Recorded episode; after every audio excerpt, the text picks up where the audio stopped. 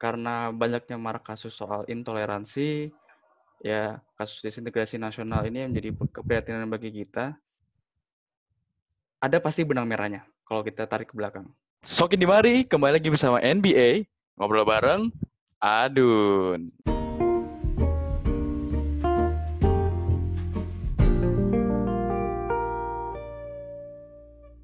Pada episode kali ini, uh, gue ditemani lagi sama sahabat gue, sobat gue satu kampus, satu jurusan juga, dan satu tongkrongan.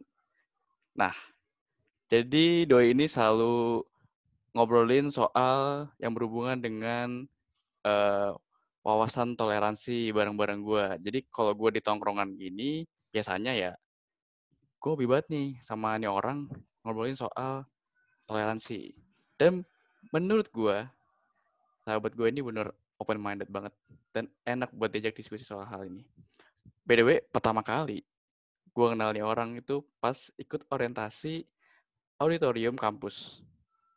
Kan orang di mana-mana kan kalau perkenalan itu ya uh, misi mas kenalan nama saya ini gitu kan.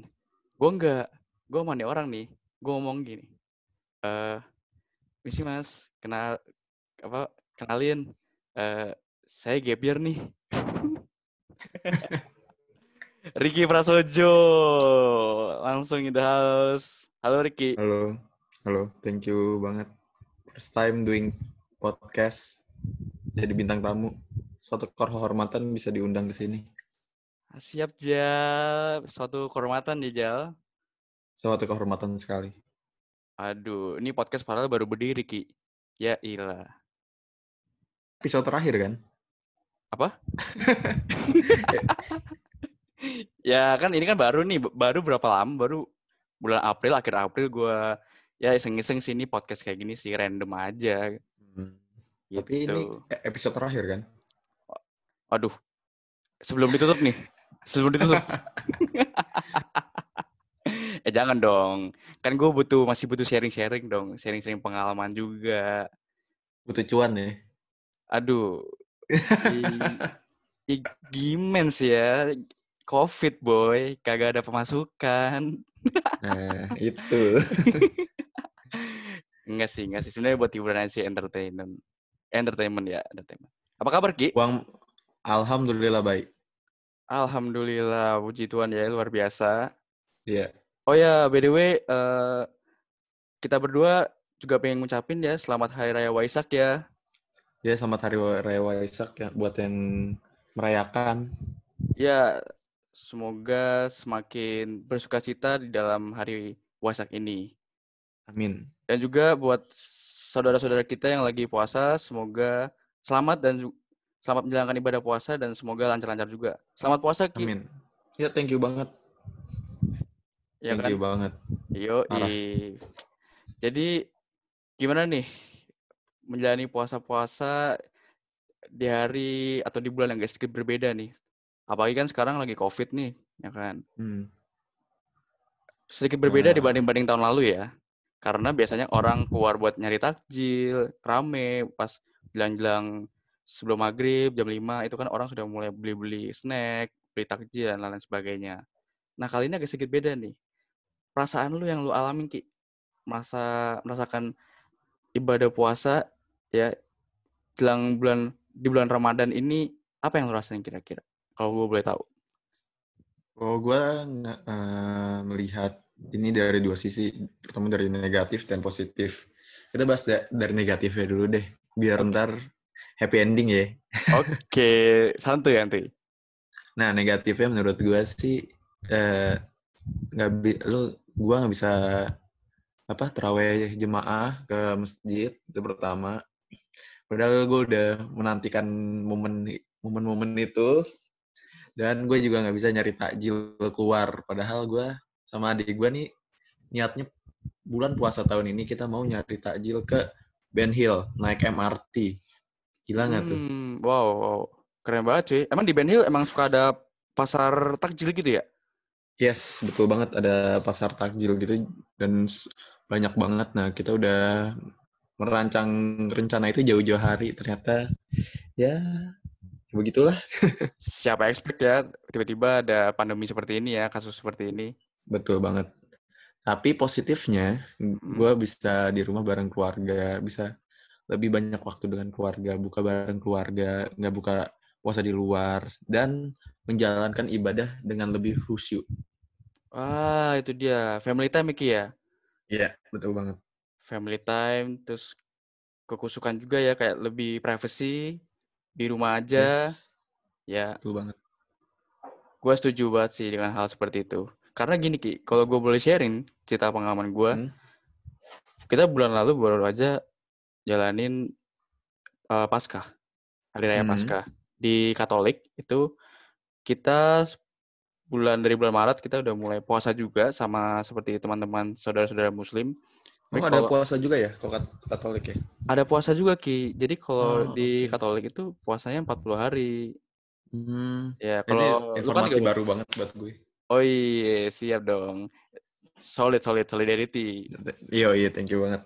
Nah, kalau lu kan 30 hari kan, nah gue 40 hari. Hmm, I see, I see. Ya, dari s- kita pe- pertanda kita masuk bulan puasa itu ada salah satu hari kita sebutnya hari raya hari hari Rabu Abu, bukan hari raya, hari Rabu Abu. Jadi eh, mengoleskan abu di jidat lu dengan tanda salib itu bentuk pertobatan Ki, mulai memasuki masa-masa Hmm. pertobatan. Nah, sorry, jadi sorry motong. eh, Oh, itu iya. abu apa ya? eh, abunya itu jadi ab- dari abu tumbuhan, abu daun Hmm. palma itu yang dibakar. Kalau pakai daun ganja boleh nggak? Do, wah, wah, wah, wah, wah. Belum jadi abu, mata udah merah kan kena asapnya.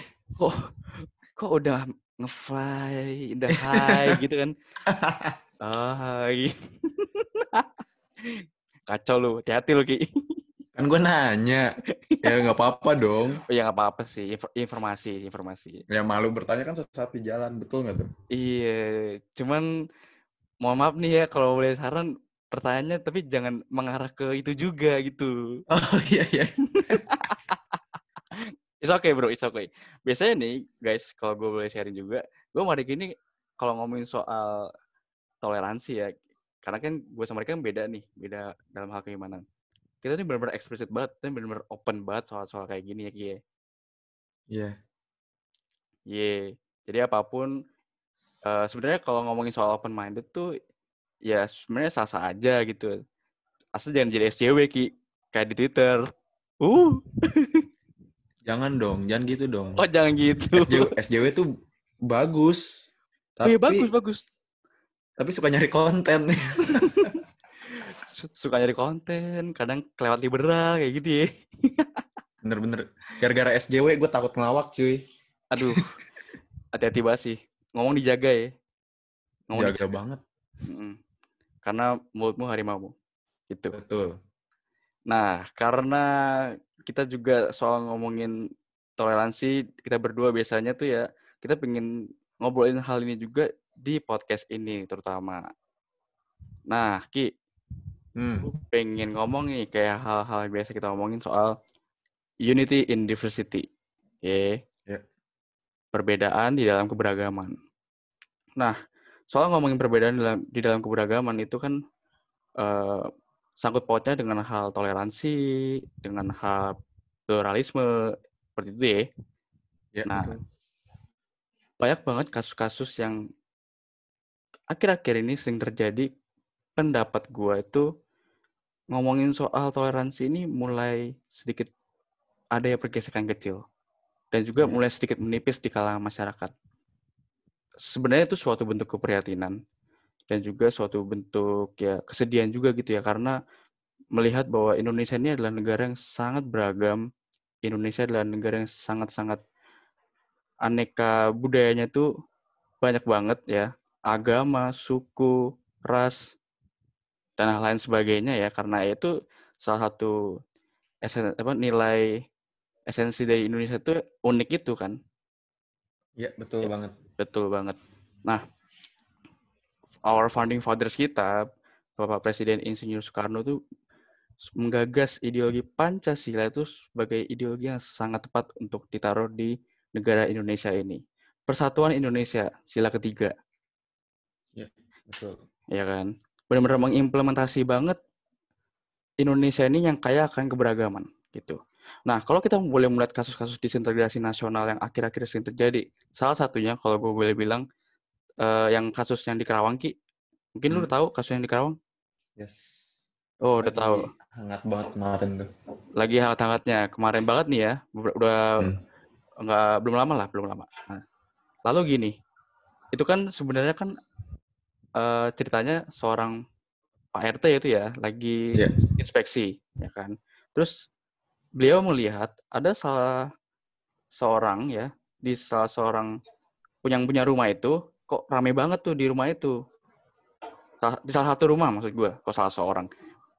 Nah, di salah satu rumah itu rame banget tuh isinya. Pas dicek, ternyata lagi pada ibadah.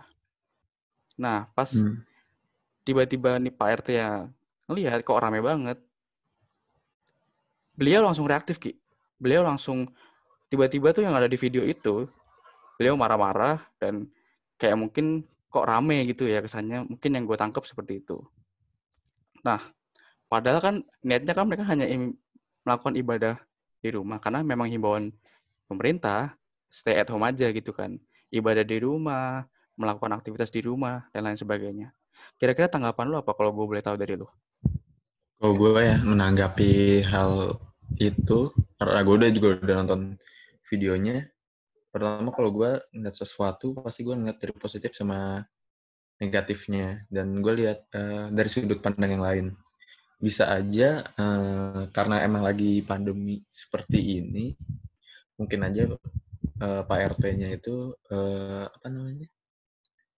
Uh, kok rame-rame nih rumah nih kan hmm. lagi lagi COVID-19 tapi dia nggak tahu kalau emang lagi ibadah gitu loh hmm. bisa aja kayak gitu kan. Uh, langsung tapi salah salahnya Pak RT langsung marah-marah atau reaktif kan, reaktif. ya betul. Mungkin kalau dia dengan ngomong pelan-pelan sih lebih enak sih. Tapi kan uh, alhamdulillahnya damai ya. Damai ki damai. Miskonsepsi sebenarnya sih. Ada ada miskonsepsi aja. Ya, betul banget. Ya, ya miskonsepsi, mispersepsi ya mungkin juga kurang ini ya apa kurang tepat ya. Kenapa tiba-tiba tuh kok langsung reaktif? Nah, kenapa itu dia. kenapa tidak nanya baik-baik? Ini ada apa ya? Kok rame-rame? Mm-hmm. Boleh tahu Pak Bu kenapa? Lebih enak. Nah, kan? itu lebih gitu, kan? lebih enak itu, jauh lebih enak. Betul, betul banget.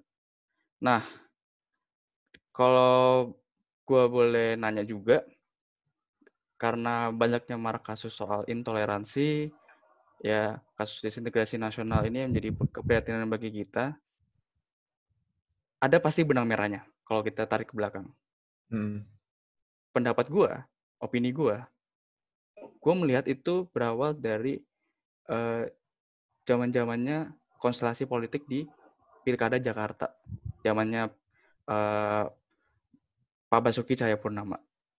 Hmm. Nah, kira-kira gimana tuh pendapat lu? Tanggapan lu gimana? Oh, tanggapan gue ya. Ini opini gue ya. Menurut opini. gue, uh, Pak Basuki emang salah ngomong kayak gitu karena itu di luar konteksnya dia karena kebetulan kan Pak Basuki kan non maaf non Muslim ya. Iya betul. Nah, di luar konteksnya dia kalau menurut gue sih kalau misalkan waktu itu Pak Jarot yang ngomong mungkin nggak nggak sebesar itu yang terjadi ya. dan karena emang lagi panasnya suhu politik para oknum politisi ini yang menggunakan cara-cara yang gak bermoral menurut gue ya. untuk menjatuhkan seseorang dengan cara itu tapi kalau bisa dibilang emang Pak Basuki salah karena emang di luar konteks apa konteksnya dia gitu. Sama juga kayak ada salah satu ustadz yang membahas kitab suci lain padahal bukan ranahnya dia padahal di Al-Qur'an pun udah ada ya. di Al-Kafirun ayat 6 lakum dinukum waliyadin yang artinya untuk agamamu dan untuk agamaku. Lakum itu jelas banget. Ya. Hmm, itu udah jelas banget aturan kita emang harus berada di zonanya kita aja jangan melebar, terutama agama ya. Iya, apalagi ngomongin soal sara itu hal yang sensitif ya Ki ya. Sensitif banget cuy. Sensitif banget. Jadi menurut gue gini, ya mungkin lo punya ilmu yang ada dari apa yang telah lo pelajarin, ya mungkin lo mempelajari ilmu lain juga, cuma bagi gue, kadang hal ini yang kita harus hati-hati.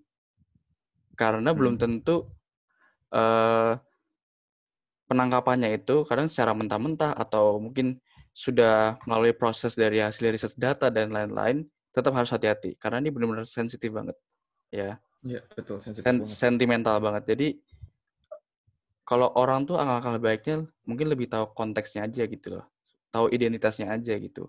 Kalau mungkin tahu tentang ilmu lain seperti contoh agama, mungkin kita keep aja gitu. Lebih baiknya ya Ki ya. Iya, betul.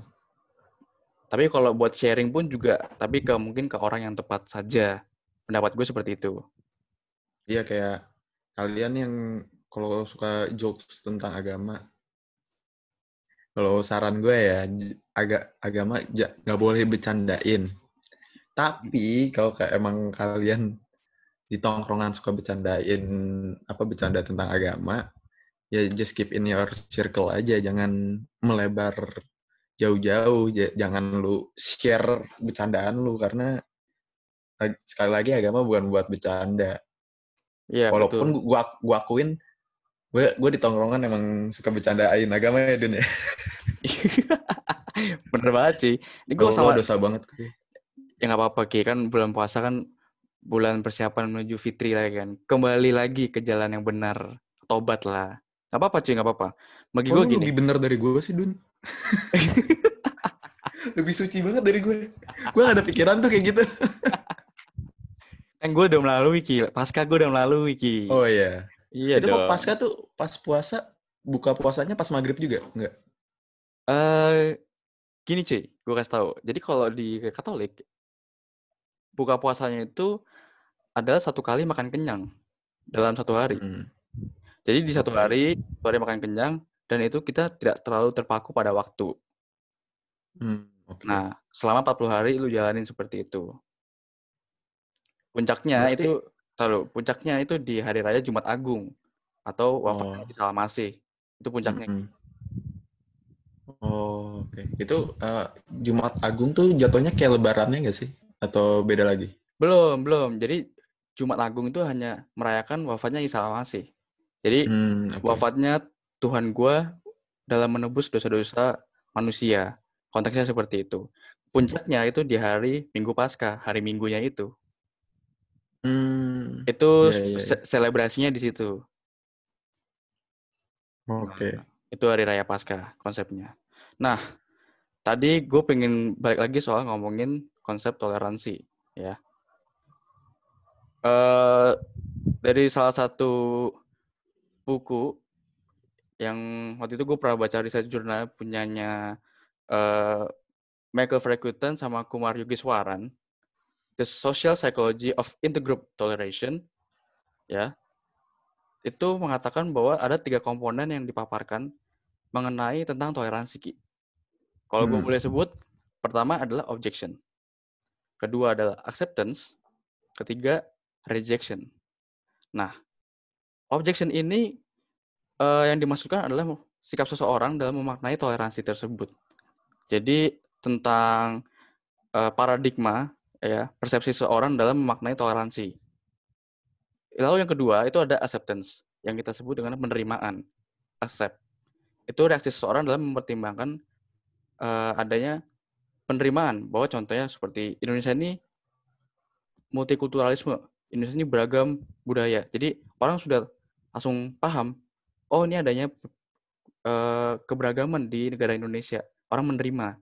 Itu acceptance. Lalu yang ketiga itu rejection. Itu berkaitan dengan eh, menunjukkan penolakan. Jadi adanya perbedaan persepsi, ya perbedaan pola pikir itu sudah langsung ada penolakan dulu gitu. Nah, mengenai soal-soal itu bagi gua s- manusia itu dituntut untuk mencoba berpikir secara terbuka dan mau menerima perbedaan ini. Ngomongin soal unity in diversity bahwa keberagaman di Indonesia ini itu kan hal yang unik gitu loh. Sadar, mengerti, dan paham bahwa keberagaman atau multikulturalisme di Indonesia ini benar-benar luas banget, ya. Ya, betul. Setuju gue. Nah, kalau kita integralkan, ya, ngomongin soal edukasi. Pasti kalau edukasi itu ada pendidikan yang baik, maka orang akan semakin memahami bahwa pendidikan yang diterimanya itu tentu membuat pola pikir seseorang itu menjadi baik pula. Kira-kira gimana, Ki? Pendapat lu? Uh, edukasi di bidang ini ya, agama ya? Ya, uh, terlebih di bidang toleransi konteksnya. Ah, toleransi, sorry.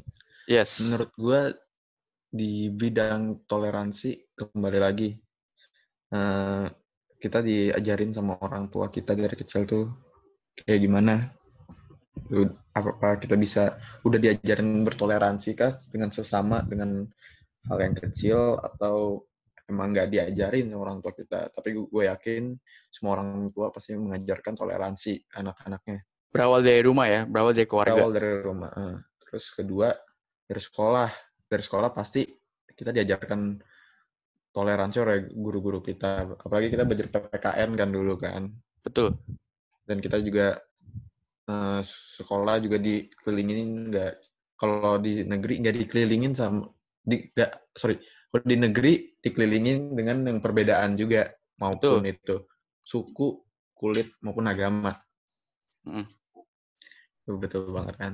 Terus uh, kalau sekarang nih udah dewasa kita lebih belajarnya tuh pertama dari lingkungan sekitar kita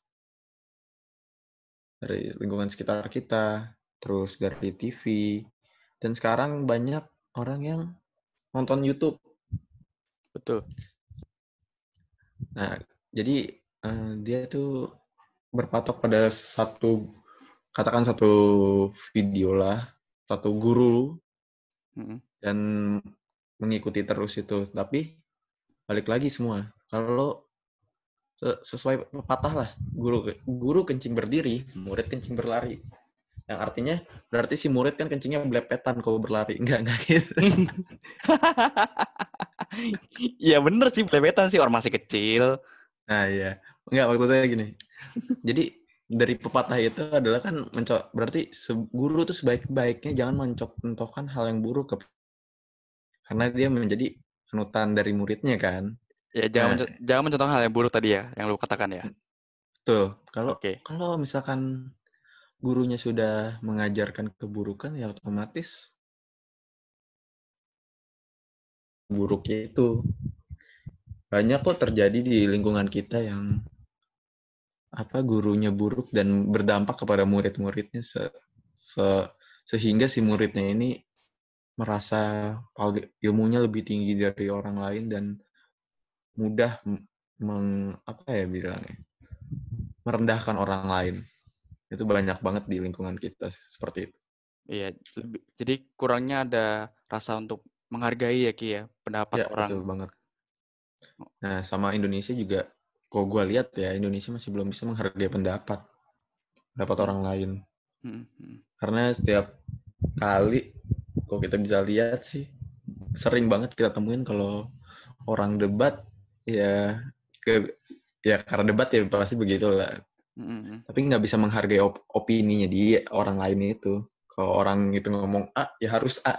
Mm. Nah, belum bisa menghargai sih sejauh ini ya. Tapi gue yakin bisa sih ntar ke depannya. Iya. Tapi orang juga berproses untuk jadi lebih baik ya pastinya ya. Tuh, betul ya banget. Kan? Karena tadi adanya edukasi yang baik, orang juga akan berproses dalam pengolahan diri yang lebih baik ya. Betul banget. Dan juga ngomongin soal penggunaan teknologi informasi, ya beredar lah uh, konten-konten yang di mana soal-soal SARA ini uh, sering kali orang sudah reaktif terlebih dahulu gitu. Baca clickbait, yeah. baca clickbait langsung reaktif tanpa baca dulu isinya, ya kan? Atau semacam hoax gitu ya, yang ngomongin soal SARA langsung kepancing dan langsung uh, rusuh Kayak yang kasus terakhir kita ngelihatnya kan uh, soal kasus Papua ya, yang soal uh, adanya diskriminasi terhadap suatu suku atau ras ya. Itu benar-benar kan munculnya ada ya berita yang nggak benar itu ya kan? Dan langsung percaya, langsung tiba-tiba rusuh gitu aja gitu. Nah, Iya, ini ini juga kebijakan kebijakan dalam ada TI itu diperlukan juga. betul. Sama ada peran penting media juga sih untuk Hmm, media-media yang ada di Indonesia. Tolonglah jangan apa menyebar luaskan berita yang nggak benar dan clickbait ya ternyata terutama ya soalnya kita juga tahu eh, orang Indonesia tuh baca clickbait langsung langsung share. iya, itu dia Ki. Persoalannya itu. Sumpah, di- di grup keluarga gua Hmm, se- sering banget cuma baca berita di langsung disebar ke grup itu. Kalian pasti pernah ngalamin deh. Om atau tante kalian nyebar berita hoax di grup keluarga. Pengen debat tapi om. pengen debat tapi tante, Nah, ketua itu. gitu kan. Eh, gue ada sharing pengalaman sih. Jadi eh, di salah satu grup ada grup circle pertemanan aing gitu kan ngomongin soal adalah yang berhubungan dengan ideologi waktu itu. Hmm. Terus sebenarnya eh, konsep ideologinya itu tanda kutip masih ada miss. Jadi pas gue baca itu agak sedikit berbeda dan benar-benar di luar fakta banget, di luar data. Hmm. Tiba-tiba itu kan jadi eh, viral dan akhirnya jadi disebar-sebarin di grup-grup WA gitu kan banyak banget Wah, tuh. iya. Tem- Teman gue tuh nge-share di situ di situ ke grup WA dan gue baca. Akhirnya tuh gue debatin ki, gue debatin tapi Doi juga debatin. Pas Doi debatin dia benar-benar tidak menunjukkan em, apa bahwa ini tuh benar gitu loh. Datanya dari mana? Kok lu ngomong kok tidak ada bukti data gitu loh. Nah, Hmm. kadang-kadang gue sedih aja gitu loh. Orang yang menyebarkan seperti itu kan apa ya tujuannya gitu ya? Apa esensinya? Kan kurang bijak gitu nggak sih? Yes, betul banget. Ya kan? At least kalau lu tahu, lu paham, ya mungkin lu harus memilah-milah gitu. loh. Pinterlah kita memilah-milah gitu dalam hal mencari atau mendapatkan informasi. Ya, Hmm, ka- Kalau nemu berita di cross check lagi dua kali, belum tentu sumber berita itu langsung benar. Jadi lo harus cross check lagi bi- biar lebih yakin gitu. Jangan menelan mentah-mentah berita itu. iya itu dia. Walaupun sumbernya terpercaya, tapi kadang-kadang tidak terpercaya juga.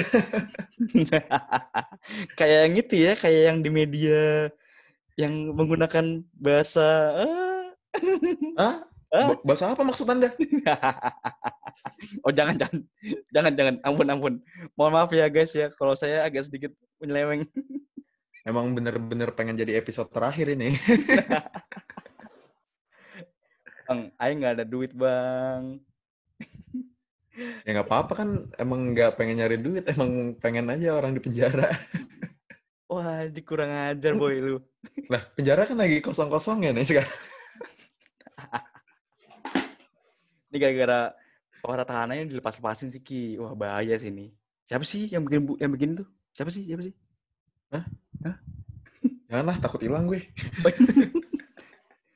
katanya sih pengembala domba yang di Soundship Oh, oke mirip cut, sih, cut. mirip cut. sih, mirip sih. oke oke. Jangan, tuh kan tukang bakso pakai intercom udah lewat nih rumah gue nih. Kijang satu. Kijang satu ganti abang tukang bakso mari-mari sini. Kijang satu ganti. ya ampun. Ayo ah, back to topic kan jadi Oi. Oke oke oke. Back to topic. Back to topic. Soal tadi ngomongin soal unity in diversity. Eh gue pernah nonton nih, kalau gue juga boleh cerita.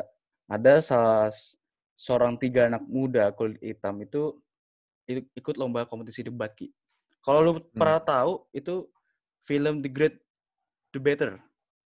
Ya, tau nggak? Tau nggak? Tau nggak? gua nggak nggak pernah nonton film pinter sih dulu. Itu film lama. Itu film lama. Jadi itu Oh, itu film lama. ya itu yang ngebintang itu si Denzel Washington.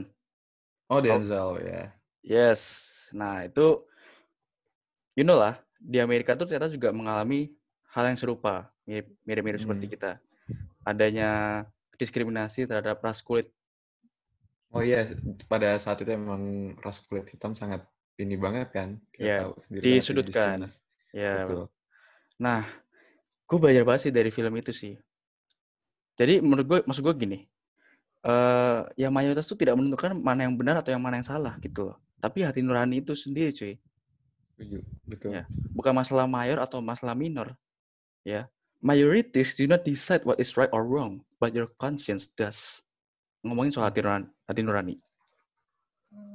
Bagaimana seorang eh ya mayoritas mayoritas mau merangkul, mau juga eh, menerima teman-teman yang mungkin minor ataupun sebaiknya minor nih berusaha mau eh, merangkul juga yang mayor atau tidak berusaha menutup diri terhadap yang mayor, tidak minder, tidak takut gitu. Jadi ada ras- rasa saling nyaman dan juga rasa damai. Itu nggak sih harusnya kalau ngomongin soal perbedaan di dalam keberagaman? Iya, betul banget. Kita sama sa- sesama umat manusia juga harus saling mengasihi, saling berbagi. Karena kita tahu semua agama tidak ada yang mengajarkan kebencian, pasti kasih sayang semua. Betul, itu dia. Semua agama tidak ada yang mengajari soal kebencian, eh, Tuh. ngomongin soal apa untuk menyudutkan suatu kepercayaan terhadap suatu golongan itu nggak ada Betul cuy banget. ya kan By the way, gue mau nanya ke lu nih. oh iya boleh boleh ki Gue mau nanya, eh, eh, mohon maaf nih ya. Iya, minor nih, Mm, minor mm. Ye. Nah, lu pandangan terhadap mayoritas itu eh, kan harus apa kata lu eh, berbagi, harus apa? menerima mau menerima keterbukaan Eh, nah, gue mau nanya, itu itu emang karena lu tulus atau emang terpaksa karena takut? ah wah wah wah wah wah gue masih ngomong gimana nih kita ngomong bercanda apa serius nih Ah, kita udah tahu jawabannya takut ya. Yuk lanjut. Iya saya takut soalnya ada yang lebih mendominasi ntar takutnya Huh? Wush, wush, wush, wush, wush, wush. itu ki tongkrongannya di Monas di Monas tongkrongannya Wah, gila nyebut merek cuy. Gue gak berani loh. eh apa sih yang di nongkrong Monas emang itu doang gua Oh, lu, Starling, Starling, Starling. Starling, Ya, kan. Starling ya. Ingat gak lu zaman-zaman masih sama Bedohan, sama Rafki, sama Depin, ya kan? Mikel, Iya, iya. kan Starlingan kita. Majuju. Oh iya. Iye, aduh gua kan Starlingan dah. Ya ntar dong, abis wabah ini berlalu lah. Sabar. Iya sih. Tunggu tunggu ya, tunggu tunggu. Ntar jangan lupa lah kita saingan lagi. Jadi Siap. gitu, jadi gitu Ki. Ya, orang tuh ya, ya semakin tinggi ilmu, maka semakin toleransinya semakin besar. Quotes ini gue ambil dari almarhum Presiden Gus Dur, Bapak Toleransi Indonesia. Beliau tuh bener hebat banget dalam hal ngomongin soal keberagaman ya toleransi ini bener-bener luar biasa banget sih.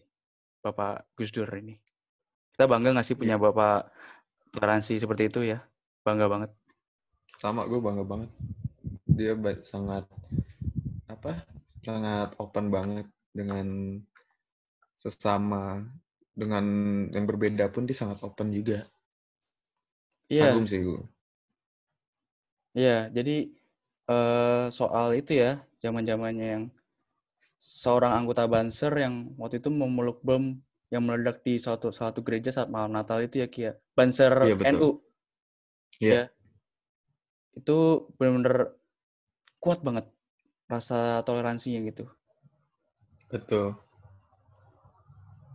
Ya kita berharap sih sampai sekarang ini ya kita juga mencoba untuk membuka pikiran kita aja menerima perbedaan itu tadi yang seperti gue bilang eh, acceptance tadi ya konsep dari bukunya Michael and Kumar ya. Iya. Gitu. Kira- Kira-kira lu ingin menambahkan Ki atau apa? Untuk itu, untuk toleransi di Indonesia tuh, betul kata lu tadi, eh, semua ini balik lagi ke tahun eh, Pilkada Jakarta, dan gue mau bilang ini kepada po- semua oknum politisi yang menggunakan isu SARA dalam membuat dia jadi pemimpin itu Hmm, hmm, paham. adalah hal yang sangat tercela menurut gue ya. Gue setuju. Gue setuju. Karena masih banyak oknum-oknum politisi yang menggunakan cara agar menjadi pemimpin.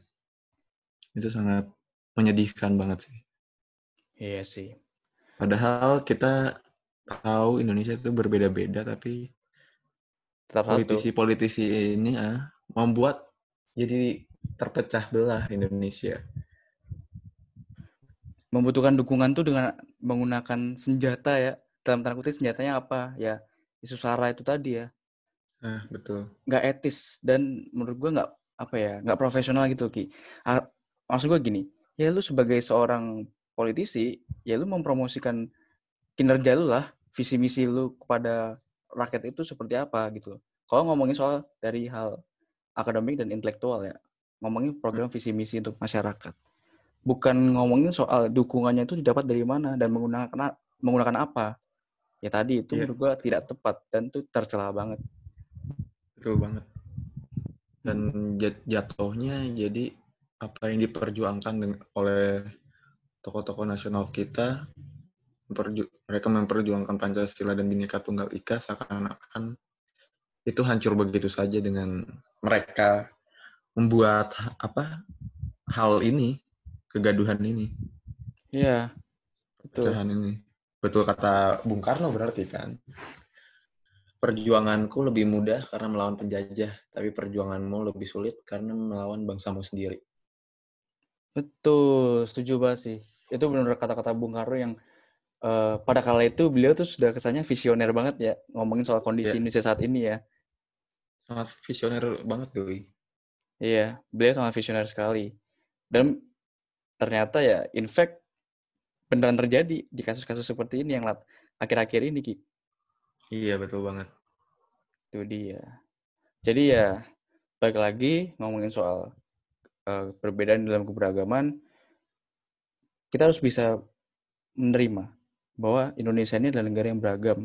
Indonesia adalah negara yang benar-benar eh, sangat unik ya, karena identitasnya sebagai negara keberagaman itu itu yang harus kita jaga nilai-nilai itu.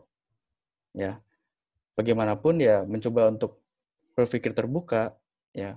Lagian toh nggak ada salahnya gitu loh. Kalau menurut gua ki, lu Hmm?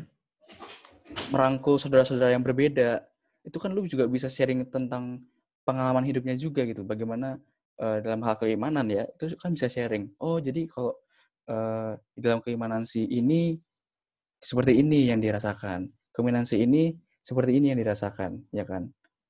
Jadi sama-sama mengerti dan sama-sama tahu. eh, oh, berarti saudaraku ternyata begini ya. Lebih menghormati. Ya betul, menghormati sesama. Walaupun Menghor- kita berbeda, kita tetap harus menghormati sesama. menghormati sesama itu dia ya karena ya unik itu tadi ya kan bahwa ya kita harus bersikap ekumenis lah bersikap Oh, iya. eko- di mana ya kita eh, harus sendiri mencoba menghargai adanya unsur-unsur perbedaan itu ya jadi meskipun itu kita punya masing-masing kebenaran dalam eh, apa yang kita imani cuman bukan berarti kita bersikap untuk fanatik ya kan? Seolah-olah menganggap eh, kita itu benar seolah menganggap tuh kita superior mayoritas itu tadi. Ya setuju Ya setuju banget. itu. Ya berproseslah untuk menjadi lebih baik berproseslah untuk lebih terbuka ya. Ya, gue yakin kok anak-anak muda Indonesia sekarang udah banyak yang lebih menghargai sesama dan juga nggak nggak membanding-bandingkan orang itu da- mulai dari suku, ras atau a- ataupun agama. Ya. Karena kita bersatu, bineka tunggal ika. Berbeda-beda tetap satu jiwa. berbeda-beda tetap tetap satu Bhinneka Tunggal Ika oke Iya, bagus nggak tuh quotes gue tuh? itu memang udah ada pak Lu bilang bagus dong. Siapa tahu kan dosen gue dengar nih, dosen kewarganegaraan gue. Nah, gue kan bisa naik jadinya. oh iya siapa dosen lu siapa bu siapa Bu Rani. oh iya bu Eh, mungkin kalau Ricky ngomongin soal ini CB-nya tolong ya dinaikin ya kalau ibu dengar podcast ini ya Eh, tapi nggak usah lah. CB gue udah bagus, jadi nggak perlu sih. Wow, wow, wow, wow, sombong sekali Anda. Mas, Anda jurusan IT ya? Kenapa CB Anda yang bagus? ya gimana ya mas ya? Lebih kritis tentang negara, tapi kalau udah urusan ngoding, jiwa kita yang kritis. Ya gimana? kritis ini ya, apa? Ada rasa-rasa ingin kok pindah gitu ya? Ada rasa-rasa ingin, wah, iya. saya tidak kuat di sini. Saya ingin mending cabut di sastra ke atau jurusan apa gitu kan? Sosial. Kemar kemarin tuh UTS tuh pas ngoding, rumah gue tuh berasap. Otak gue udah ngebul banget. Dan sampai Eh, tuh kemarin tuh udah apa ya? Katanya sih ada orang udah pakai jas di depan rumah ada empat orang tuh katanya. Oh, yang pakai kupluk itu ya, yang, yang pakai kupluk sama kacamata. Iya. Bawa peti, bawa peti. bawa gue tuh. Bawa peti Iya, itu. udah mau bawa gue.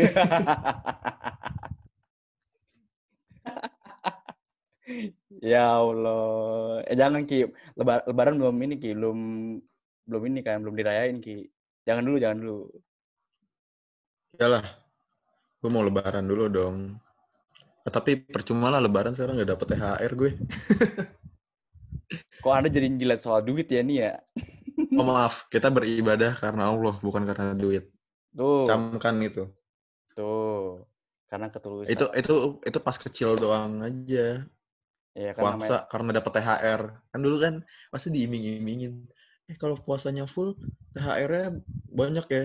Ya anak kecil pasti, oh ya, aku mau puasa, bodo amat lapar gimana. Sekarang beda. Bukan karena dapat THR, karena emang gak ada makan di rumah. Enggak, enggak bercanda. Di rumah gue ada makanan. Tapi cuma sekali doang makannya. Ya. Emang deh bener-bener dah lu Kiki. Paling-paling dah lu. Ah, oke. Mungkin soal toleransi dan juga beragaman itu dulu kali ya. Thank you banget Ki. Iya. Sudah mau Eh, sharing-sharing. bentar. Gue ada Apa tuh? ada quotes penutup nih. Oh ya boleh. Dari almarhum Gus Dur. Oh sabi Ini gue nemu kalau kalian pernah ke Monas, ada... Gue nggak tahu pintu berapa, tapi yang ada tulisan Monasnya itu, dan lu bisa lihat di bawah lantainya, itu ada quotes dari almarhum Kiai Haji Abdurrahman Wahid yang Hmm. berbunyi kemajumukan harus bisa diterima tanpa ada perbedaan. Kece bet. Bapak Gus Dur. Emang keren banget. Itu dia cara untuk eh, apa bertoleransinya tuh deng- dengan sebuah kata-kata dengan mudah. Iya. Gak gak apa ya? Bertoleransi itu cukup dengan ucapan saja sebenarnya bisa udah cukup. Nggak perlu buang-buang duit bikin terowongan istiqlal ke katedral lah. Mm, mm, mm. Eh, sorry Ki, gimana Ki? Gimana gimana? ini, saya, ini saya tim sesnya loh kalau boleh tahu loh. Oh, maaf Pak. Bapak Bapak nyesel nggak sih Pak jadi tim sesnya?